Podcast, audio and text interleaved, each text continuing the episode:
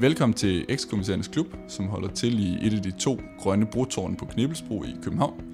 Jeg hedder Malte Merkel, og øh, det her det er andet afsnit af podcastrækken Ekskommissærernes Klub, som organisationen Nyt Europa har taget initiativ til. I dag der har vi to gæster i klubben. Den ene er ekskommissær Conny Hedegaard, og den anden er Jens Mathias Clausen, som er klimapolitisk leder i Greenpeace. Velkommen til jer. Ja. Conny Hedegaard, det kan være lidt svært at følge med i alt det, som du går og arbejder med, så lytterne, til lytterne så vil jeg lige kort fortælle dem, hvad du har beskæftiget dig med de seneste par år. Efter mange år både i politik og i journalistik, så blev du i 2004 udpeget som miljøminister, og sidenhen som klima- og energiminister. Fra 2009 til 2014, så blev du EU's første klimakommissær. Og efter den tid som kommissær, så har du mere eller mindre skiftet banehalvdel, og er nu blevet valgt som bestyrelsesformand både hos den grønne tænketank Concito, bestyrelsen på Aarhus Universitet, og du er blevet bestyrelsesformand i Berlingske Medier. Du har øh, valgt og ønsket at tage en NGO-repræsentant med i klubben i dag. Hvad skyldes det? Nå, det er jo naturligt at have en repræsentant for civilsamfundet med, kan man sige, fordi det der med EU, det handler jo ikke kun om nogle byråkratiske strukturer et eller andet sted i Europa eller et eller andet sted i Bruxelles og omegn det handler jo i den grad, også når man laver politik på klimaområdet, der er det jo vigtigt, at der er et civilsamfund, nogle engagerede borgere, og det er jo ofte dem, NGO'erne, de mest engagerede af borgerne på de her områder, som NGO'erne repræsenterer.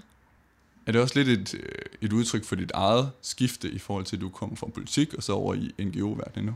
Nej, nej, altså jeg synes som politiker, så er det sindssygt vigtigt også at have relationer og gode relationer til NGO'er. Man er jo ikke altid enig, altså man har jo også forskellige roller, men det der med at have et tillidsfuldt samarbejde, hvor man ligesom forstår, der kommer nogen input derfra, som kan være interessant. Der kommer tit også nogle faglige, meget velkvalificerede input. Det synes jeg er vigtigt. Jeg kan huske, da jeg blev miljøminister, så var det meget bevidst, at det første sted uden for Miljøministeriet, jeg besøgte, det var Danmarks Naturfredningsforening. Fordi jeg synes, det er meget vigtigt, de der organisationer, som er med til at få, også at få budskaberne ud. Det er jo ikke kun at kræve, at et eller andet kan lade sig gøre, men det er jo også at sørge for, at der er en levende debat omkring den grønne omstilling ude omkring hos danskerne. Så som klimakommissær, der øh, havde du også et tæt samarbejde med NGO'er både i Danmark? Meget bestemt, både øh, hjemme med øh, 92-gruppen, som koordinerer mange af de grønne organisationer på det her område, og også i EU-sammenhæng, hvor jeg meget jævnligt holdt møder med sådan de 10 største grønne organisationer i Europa. De, ligesom, de har et fælles kontor, en fælles organisation i Bruxelles, og det var faktisk meget nyttigt, tror jeg, gensidigt. Altså, jeg blev jo klogere på, hvad de tænker. De blev også klogere på, hvad tænker jeg, og hvad kan lade sig gøre, hvad kan ikke lade sig gøre. Samtidig er der også nogle ting, hvor man kan sige til dem, at det ville være meget hjælpsomt, hvis øh, sådan og sådan og sådan. Men altså, hvis I beder os om A eller B eller Q, det kan I godt glemme. Det kan simpelthen ikke lade sig gøre, og det vil faktisk være imod nogle af de ting, vi prøver at gennemføre for tiden. Så have opbygget sådan en dialog, hvor man hvor, hvor man gensidigt stoler på hinanden, og hvor man ikke sådan bare sidder med paraderne og de formelle ting, øh, sådan og siger, jeg mener det, og så mener du det. Altså, det er jo ikke en reel dialog, men have en reelt tillidsfuld dialog, det tror jeg er vigtigt. Det er jo også i EU-sammenhæng, det er rigtig vigtigt, at generaldirektoraterne, embedsmændene der og kabinetterne omkring kommissæren, at de samtidig kan ringe til en eller anden organisation. Det kan jo være NGO, det kan være erhvervsliv, det kan være så mange at sige, prøv lige at høre, den der ting, hvis vi nu gør sådan her, Tror I, kan det fungere? Kan det fungere for jer, eller hvad?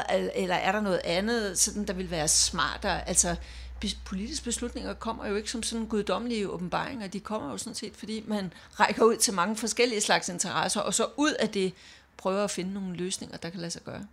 Hvordan er din oplevelse af det, Jens? Er politikere og kommissærer gode nok til at række ud til Greenpeace og andre NGO'er som jer?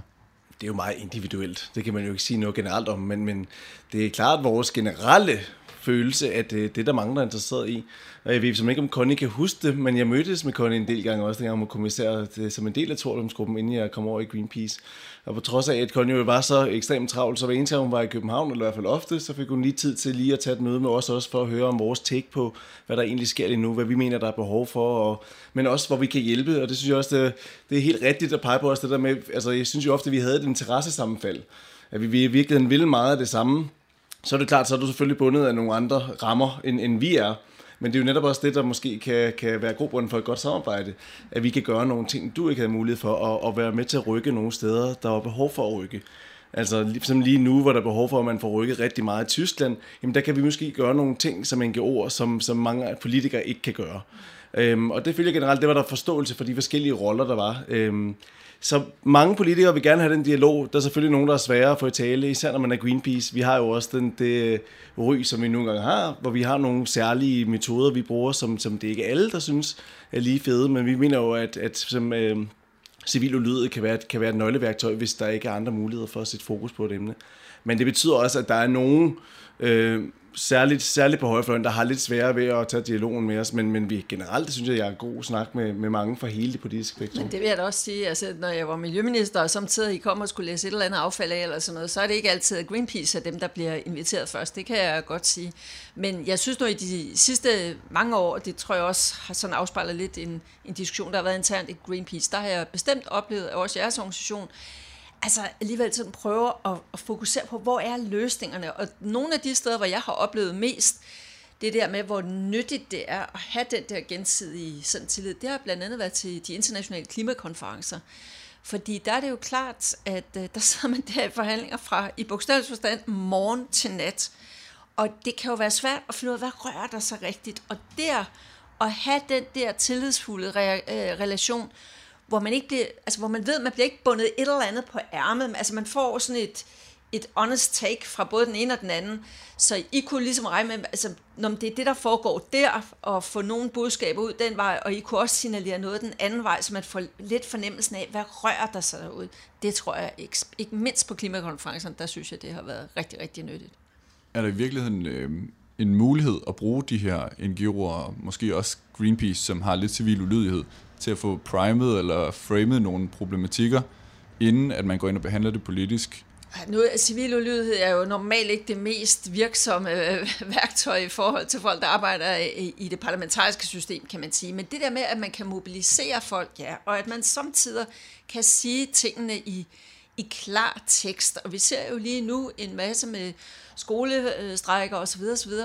Og det er jo sådan en måde at sige, kom nu på. Ikke? Altså, det er bare noget andet end at skrive den lange kronik eller den lange øh, rapport om, om et eller andet. Og det synes jeg er nyttigt. Jeg har så oplevet samtidig, at det kan jo også arbejde lidt den anden vej. Jeg kan huske, at vi skulle, mens jeg var kommissær, vi skulle lave jeg vil lave målene for 2030, og sagde, det er altså nu, nu skal vi til at, det er ikke nok at snakke 2020, og I skal jo tænke på, det var mens der var økonomisk krise i Europa. 26 millioner mennesker i Europa havde ikke et job. Det er der sådan 2011-12 stykker, hvor vi begynder, eller 2012, hvor vi begynder på det her. Og det var en armlægning af rang med alle mulige interesser, og også internt i kommissionen. Og jeg havde en kollega, der var energikommissær, den tyske kommissær, og han synes altså, at det her var virkelig ikke nødvendigt. Og det kunne virkelig vente til den næste kommission. Og så langt om længe fik vi sådan, jeg fik overbevist Barroso om, nu skal vi altså gøre det. Og så havde vi jo armlægning om, hvor ambitiøst skulle det så være.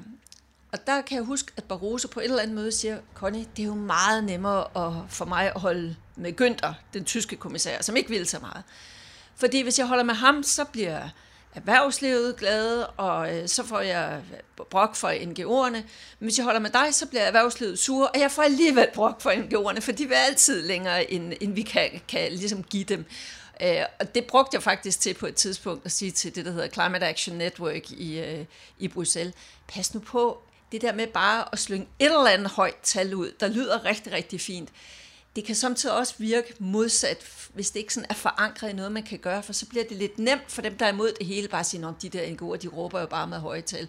Der må jeg sige, der synes jeg, at vi har dygtige NGO'er, og jeg synes også i Danmark, og med 92-gruppen og det arbejde, der laves der, der synes jeg virkelig, vi har fagligt dygtige og kvalificerede NGO'er. Vi ser det jo lige nu med klimalov og den der indsamling af underskrifter, der var i foråret 2019 osv., det var jo ikke sket. Det var jo øh, NGO'erne, der gjorde det, og de fandt sammen øh, om nogle realistiske bud, og kunne dermed også sætte deres præg på valgkampen 2019. Så før vi dykker helt ned i din tid som kommissær, hvad er det, der foregår lige nu i forhold til klimaproblematikken? Hvad, hvad tænker I, der det seneste år har øh, gjort det her ryg i forhold til at få en stor folkelig opbakning? Altså fra mit perspektiv er det det med, at det lige pludselig er blevet håndgribeligt og konkret for rigtig mange mennesker, øh, især i den vestlige del af verden. Ikke? Fordi det har været konkret i, på den sydlige halvkugle en del år efterhånden, men det har traditionelt ikke været noget, der har fået så mange til at gøre noget på den nordlige del af halvkuglen. Men det der med, at vi havde den sommer sidste år, Øh, og det er jo også lige blevet bekræftet nu af videnskaben, at den hang sammen med klimaforandringerne, og det kun bliver værre herfra. Det tror jeg for rigtig mange var et wake-up call. Øh, nu bliver det lige pludselig tydeligt, at det ikke var den der abstrakte trussel, som, som vi har haft svært ved i lang tid at få folk til at tage seriøst, fordi det er svært at tage abstrakte trusler seriøst. Et eller, andet, et eller andet sted i fremtiden kommer der til at ske et eller andet, som måske er lidt ubehageligt. Vi ved ikke præcis, hvad øh, og, og, og hvornår, men men det kommer til at ske. Og nu har du så en situation, hvor, hvor folk kunne mærke det på deres egen krop, og det tror jeg har været en vigtig del af, af den mobilisering, vi har set finde sted siden sommeren, at folk nu kan se, hvad der er ved at ske, øhm, og fik en forsmag på det. Og derfor går de på gaderne nu og kræver handling. Så. Jeg tror, det, det er det, at det begynder at materialisere sig. Øh, og så kan nogle af os jo huske 10 år tilbage, forud for klimakonferencen i København, og hvad var det, forskerne sagde dengang? De sagde, I har cirka 10 år endnu, før man for alvor begynder at kunne mærke klimaforandringerne. Og nu er vi altså ret præcis 10 år efter. Og så må man jo bare konstatere, at det forskerne advarede imod, øh, voldsomt vejr, oversvømmelser nogle steder, tørke andre steder, uberegneligt øh, nedbør osv., det er præcis det, mennesker ser ske i verden. Og på en eller anden måde, så tror jeg, at det er sådan sunket ind, når og som, som du også siger, altså, det er ikke bare fremtid, nu er det her. Det betyder virkelig noget. Når så jeg har, hvis man kan høre sådan en lille bitte sådan, men et eller andet sted i baghovedet, så er det fordi, jeg kan jo huske dengang for 10 år siden, at hele verden forstod, nu var det vigtigt med det der klima, og der var der ikke grænser for, hvor grønt alle muligt talt, og nu skulle vi omstille os videre. Hvad var det så lige, der skete? Så kom den økonomiske og den finansielle krise bullerne, og whoops, så var det en fuldstændig anden prioritering af emner. Og derfor sidder det bare sådan hele tiden i mit baghoved. Det er super godt, at folk virkelig forstår det nu. Det er fantastisk, at det fylder i både den ene og den anden valgkamp og i spalterne, og folk snakker om det osv. Det er super godt. Men vi skal bare også lige have det der i baghovedet. Der kan pludselig ske et eller andet, der får mediernes og menneskers opmærksomhed til at gå hen et andet sted. Øh, og derfor er det jo vigtigt også at få rykket. Og det er for eksempel derfor, at sådan en klimalov, der faktisk helt præcist siger, nu skal I høre, selv lige om lidt, når nogle andre dagsordner fylder, så har vi et femårigt budget sådan her, og sådan her, og sådan her, og det er på den her led, vi får taget fat på nogle af de store strukturelle ting i transport og i landbrug, fødevare osv. osv. Altså jeg tror, det er så vigtigt at bruge det her momentum nu. Hvordan har du, øh, da du var kommissær i EU, hvordan prøvede du så at lægge øh, grundstenene til sådan en klimalov her? Jeg synes jo, vi gjorde meget blandt andet ved, øh, lige efter, altså lige da vi var tiltrådt som kommission der i starten af 2010, der øh, laver vi jo det første papir, der simpelthen kommer ud fra den nye kommission i marts. Det er sådan et hvidbog, som det hedder, et white paper om øh, Øh, om 2050, altså at, at få det langsigtede perspektiv ind, begynd at få europæerne til at forstå, hallo, det her, det er ikke nok at have 2020-mål, det er ikke en udfordring, der går væk lige om lidt. Altså prøv at få det ind. Prøve at få lagt nye spor for det internationale klimaarbejde, og så altså sidenhen, blandt andet med det her med at få målene for 2030 vedtaget. Det må jeg sige, jeg var jeg er stolt af, at vi fik det midt i en krise, og jeg tror, at det, der var vigtigt, det var at linke klimadebatten til vores vækstdagsorden, til måden, vi skaber vækst på, til grønne job, job i energieffektiviseringssektoren, job i vedvarende energi, altså at vise mennesker, at det her kan godt lade sig gøre, hvis vi tager fat på det nu, og det er en måde faktisk at øge vores konkurrenceevne. Det er en måde at stå stærkt på i fremtidens øh, konkurrencebillede, fordi om vi kan lide det eller ej, så skal vi i den her retning, og altså hele tiden have den økonomiske side af sagen med. Jeg kunne jo så bare ønske mig, at lige så naturligt det skal være for alle, der beskæftiger sig med miljø og klima og bæredygtighed, også at indtænke økonomi. Lige så naturligt skulle det være for dem, der sidder i den røde bygning lidt her over bag os. Vi kan kigge over til det danske finansministerium og i alle andre finansministerier. Dem, der befatter sig med økonomi, de bør i 2019 også kunne forstå, at det der med bæredygtighed, de 17 verdensmål, klimaudfordringerne, det skal tænkes ind i de økonomiske valg. Altså vi skal have integreret det der. Og det var sådan noget af det, vi virkelig arbejdede på. Også når vi slogs med bilfabrikanterne i Europa om standarder for biler, eller spørgsmålet om biobrændstoffer, som var et af de store slagsmål. Spørgsmålet om fly, som var et andet kæmpestort slagsmål. Altså ligesom at sige, hallo venner, den her udfordring går ikke væk. Det er ikke sådan om fem år, så er vi færdige med det. Vi kan lige så godt komme i gang med det. Det er den samfundsøkonomiske holdbare måde at gå i gang med det her på. Og så hele tiden prøve også at få det formidlet til, til borgerne, så det ikke bare bliver gloom and doom, men så de også kan se, nå, interessant, der er også nogle løsninger. Øh, og det tror jeg er vigtigt, at, at det ikke kun er det der mørke og sorte, men at mennesker kan sige, hold da op, hvor spændende ting der, hvis vi kan få mobilitet i vores byer på en måde, der laver mindre luftforurening, og som er mindre støjende, og som måske endda er, er billigere for os alle sammen. Det var dog attraktivt. Ja, fordi du kommer i virkeligheden på som øh, EU's første klimakommissær i en tid lige efter en finanskrise, og lige efter Midt COP15. i finanskrisen, ja. Midt i finanskrise, og øh, efter COP15, som heller ikke nåede de resultater, som der var ønsket. Altså det må have været en ret umulig opgave at flytte til Bruxelles med det ønske om at lige pludselig skulle oprette en øh, klimakommission og skulle tage, altså tage vare på klimaet nu, når hele verden brænder. Ja, det er klart. Altså, jeg blev jo øh, udpeget til at skulle være den, den danske kommissær, en, jeg tror en uge før COP15 startede i København. Det vil sige, der tænkte vi, jamen nu skal vi jo lave den her globale klimaaftale i København, og så bagefter, nej, hvor bliver det spændende alt det der, vi så skal implementere. Og det blev jo så et lidt øh, andet forløb. Men det, der så egentlig var positivt, det var, at der i 2010, der tror man jo faktisk, at ja, der har været sådan et finansielt øh, kollaps mere eller mindre i, i USA, men der havde vi ikke, altså vi vidste jo ikke, at den der økonomiske krise ville brede sig så stærkt til Europa, og den ville fortsætte 11, 12, 13. Det vidste vi faktisk ikke i 2010. Så man kan sige, noget af det første, en af de første sådan test, der var, en af de første test, der var, det var jo det her med, jamen, øh, det nye budget, i EU har man syvårige budgetter, hvordan kunne man få indtænkt klima fuldstændig systematisk i det? Og det var sådan set interessant at opleve, at i løbet af relativt få måneder, så havde vi fået gennemført, at 20 procent af EU's budget for de næste syv år skulle gå øremærket til klimaindsatsen. Og 30 procent af landbrugsstøtten skulle man ligesom kun kunne få som landmand, hvis man rent faktisk gjorde noget til gavn for klima og miljø og sådan noget. Altså, det var bare sådan, der var jeg egentlig sådan, da vi først taler om det i kabinettet og med mine folk dernede, sådan, og tænkte, ah, det kommer vi da aldrig igennem med.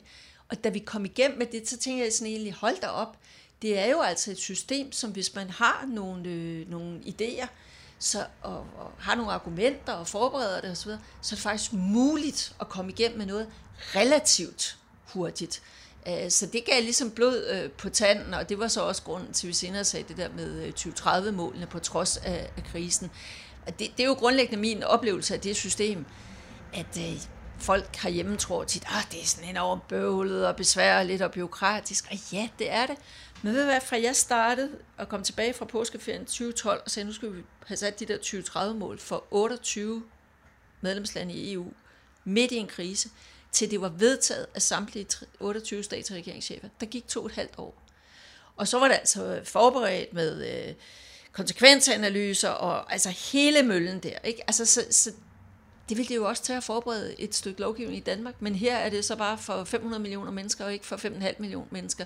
Så jeg synes, der var sådan i, i kommissionen, der var, der var nogen enkelte, der sådan grundlæggende ikke brød så meget om den her retning, men de fleste, de var faktisk med på, at er der noget, det giver mening at samarbejde om i Europa, så er det klima, og derfor så skal vi rykke på det her. Og de havde også sådan, hvad skal jeg sige, pers- personligt forstået, hvor vigtig en dagsorden det var. Altså mange af dem vidste rent faktisk noget om det.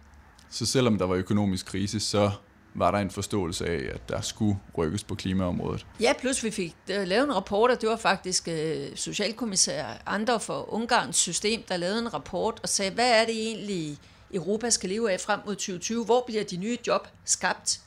Og der var tre sektorer, der bongede ud. Der var et kæmpestort jobpotentiale i turistsektoren, i sundhedssektoren, fordi vi bliver ældre i Europa, og man kan mere osv., og så det grønne område.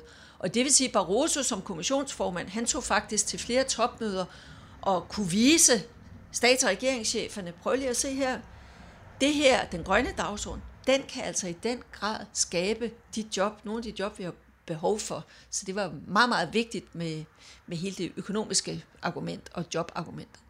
Man kan sige, nu er du mere skiftet over til at sidde på den anden side i NGO-verdenen, blandt andet med Concito.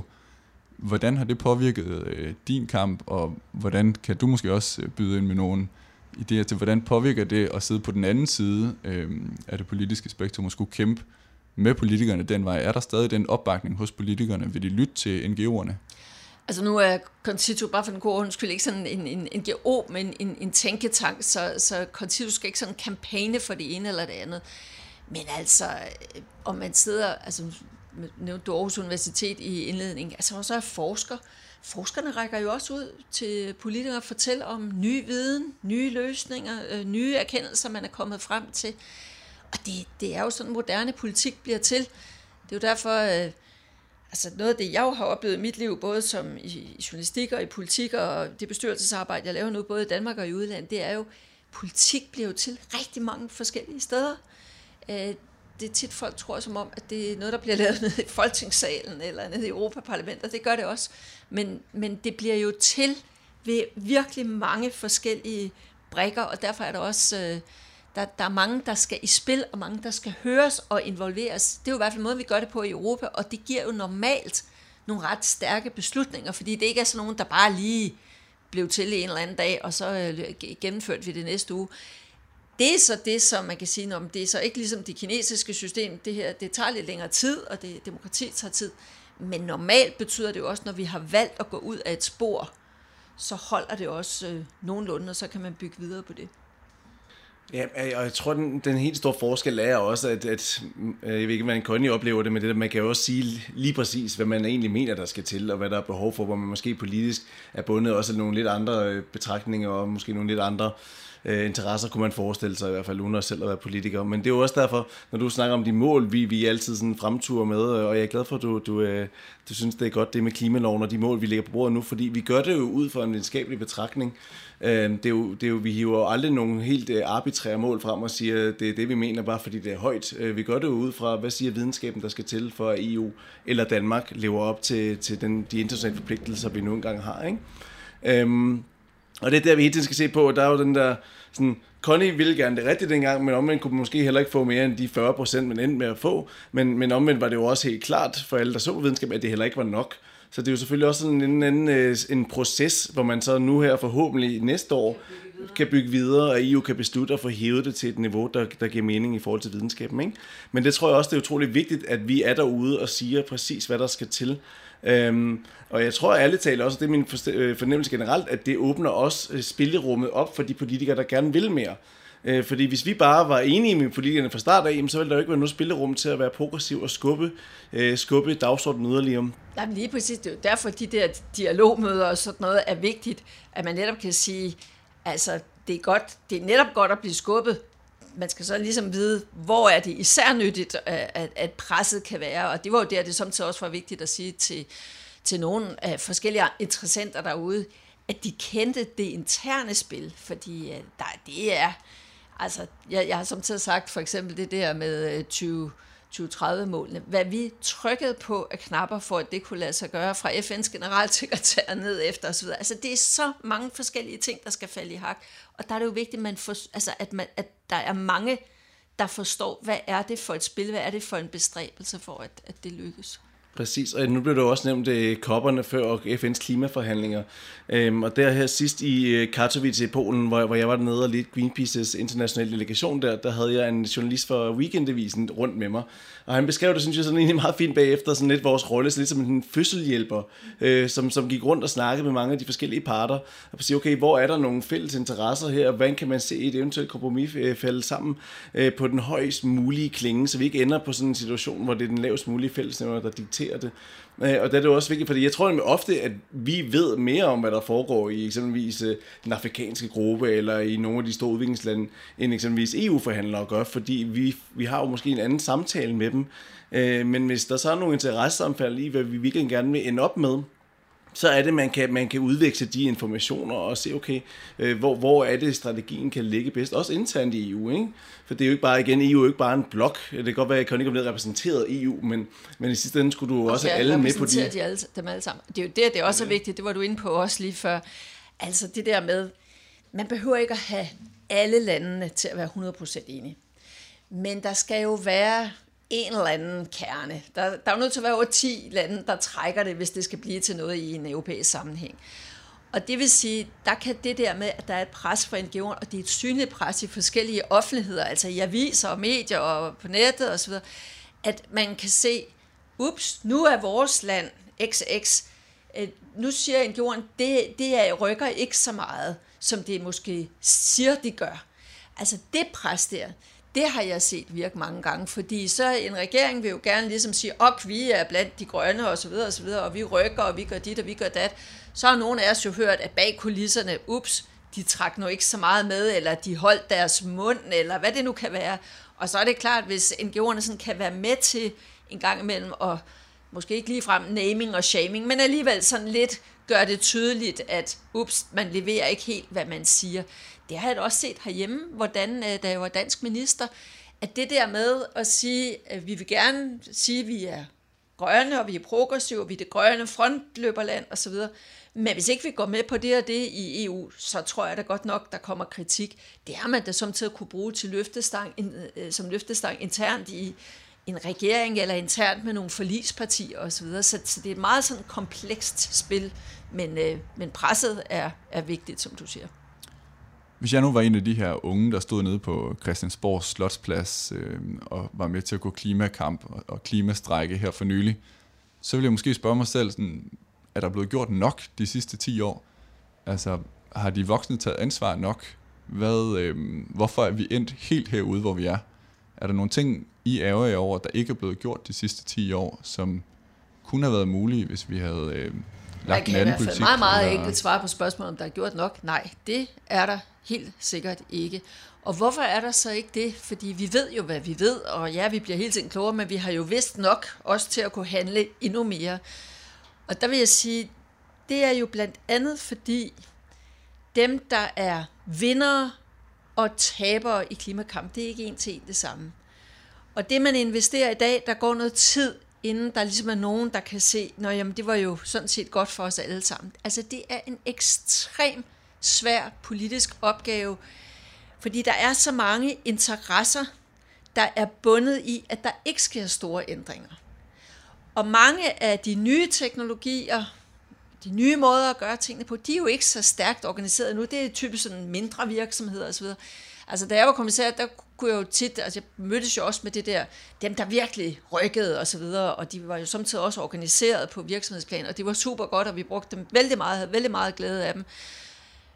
Og så en gang imellem, hvor man måtte sige, ved I hvad, I er nødt til at gøre endnu mere. Jeg ved godt, I har sagt det, og I har skrevet, og I, og I er nødt til at gøre noget mere.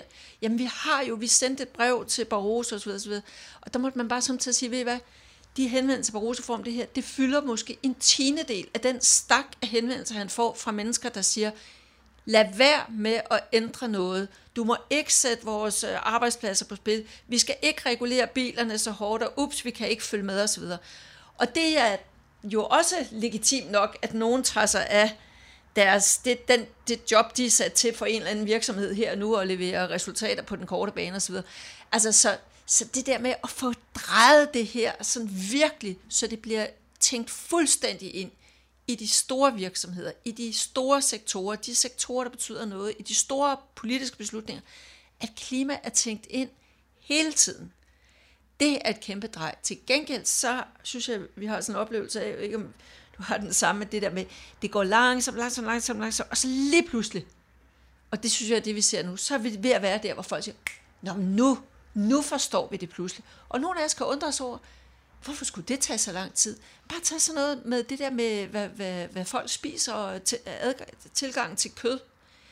Altså, der er rigtig mange af os, der ikke er vegetarer. Men der er virkelig, virkelig, virkelig mange danskere og europæere, der er begyndt bare de sidste to år at være meget mere bevidst om, hvor meget kød spiser de, hvad er det for noget kød, hvor er det produceret osv. osv.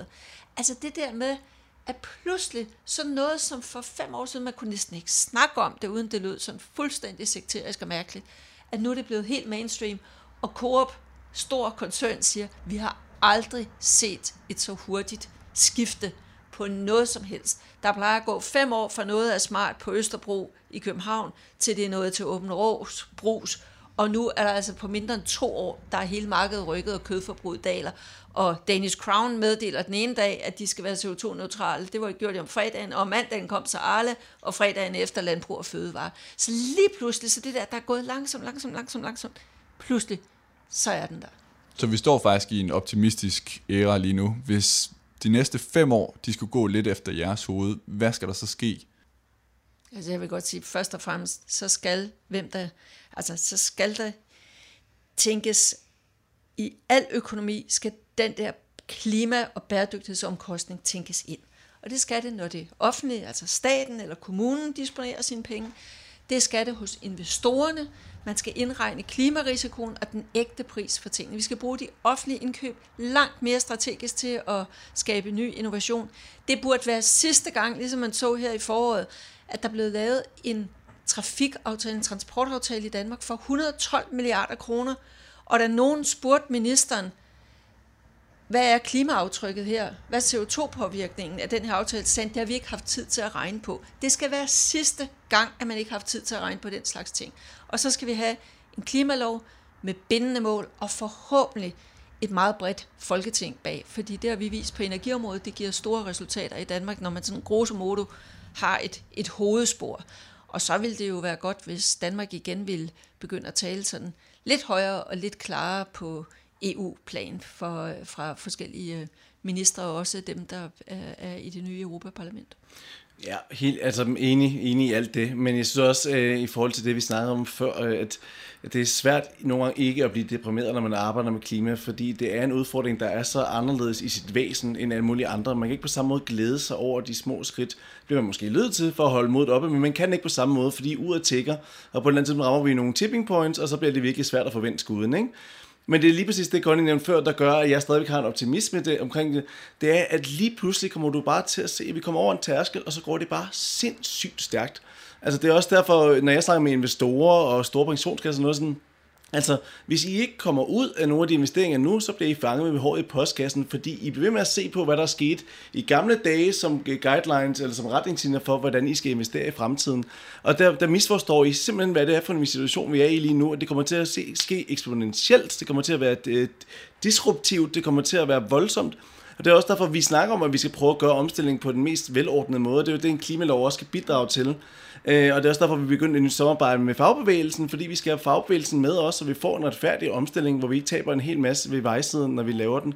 Men det er der optimismen ligger, det er i forhåbning om, at lige pludselig så kommer det bare til at ske vanvittigt stærkt. Og det skal det også. Sidste år der så vi en acceleration i de globale udledninger af CO2, øh, på trods af, at vi sådan set helst skulle ramme toppen meget, meget snart, og vi skal ned med så meget som 50% i 2030, det er om 11 år. Så det siger lidt om udfordringens størrelse, men, men i forhold til Danmark er jeg enig, at klimaloven, det var også derfor, vi var, vi var med til at skrive øh, det for borgerforslag der, det er fordi, så kan vi sikre, at der sker noget på kort sigt. Altså fordi faktum er jo, at der siden 2015, der er de danske CO2-udledninger overhovedet ikke faldet. Øhm, og så bliver vi med om, vi kan gøre mere senere, vi kan hæve vores langsigtede mål, og det er jo fint at have et langsigtet mål, men hvis vi ikke bliver på den rette vej, på vores vej hen med det langsigtede mål, så kan det fra et klimaperspektiv næsten være ligegyldigt, for at sætte det lidt på spidsen. Hvis jeg for må nævne et eksempel også fra transportområdet. Nu taler vi om fødevarer og kød og sådan noget. Altså nu sidder jeg i, øh, også i Volkswagens bæredygtighedsbestyrelse. Jeg behøver nok ikke fortælle lytterne, hvorfor Volkswagen pludselig synes, de skulle have sådan en. Men altså, jeg tænkte bare, hvis der har nogensinde har været en virksomhed, der bliver nødt til at rykke højt og tydeligt på øh, den grønne dagsorden, så er det Volkswagen. Og nu meddelte de jo her i øh, marts måned 2019, at nu vil de sætte deres sidste generation af diesel- og benzinbiler i produktion i 2025-26, og de vil over de næste 10 år producere 22 millioner elbiler. Det er altså verdens største bilfirma, vi taler om, bilproducent. Øh, og de begynder allerede nu at lægge nogle af deres virksomheder om osv. Det er bare sådan et eksempel på, at der er gang i nogle af de store drej.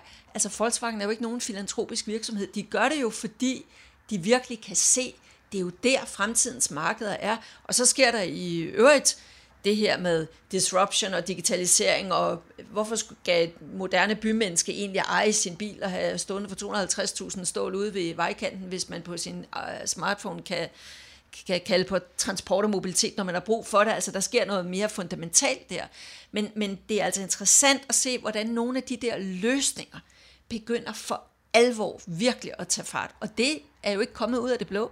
Det er jo blandt andet, fordi der er kommet EU-regulering for biler, der sagde, kære venner, hvis ikke I virkelig lægger om og har en stor del af jeres nye biler, der bliver elektriske eller på anden måde alternativ brændstofbiler, så kan I ikke leve op til EU's regulering, og der falder hårde bøder. Altså samtidig har EU jo hårde værktøjer. Øh, og det var jo med til, at nogle af de der virksomheder, der havde stået og slået sig virkelig længe i tøjet, kom tilbage i laboratorierne og sagde, ups, nu bliver det altså dyrt, hvis vi ikke rykker. Så det er sådan for mig et godt eksempel på, hvordan smart regulering fra EU's side og nogle overordnede mål og noget retning fra verdenssamfundet og fra de forskellige lande, det er altså med til også at skubbe udviklingen i virksomhederne og dermed de store drej.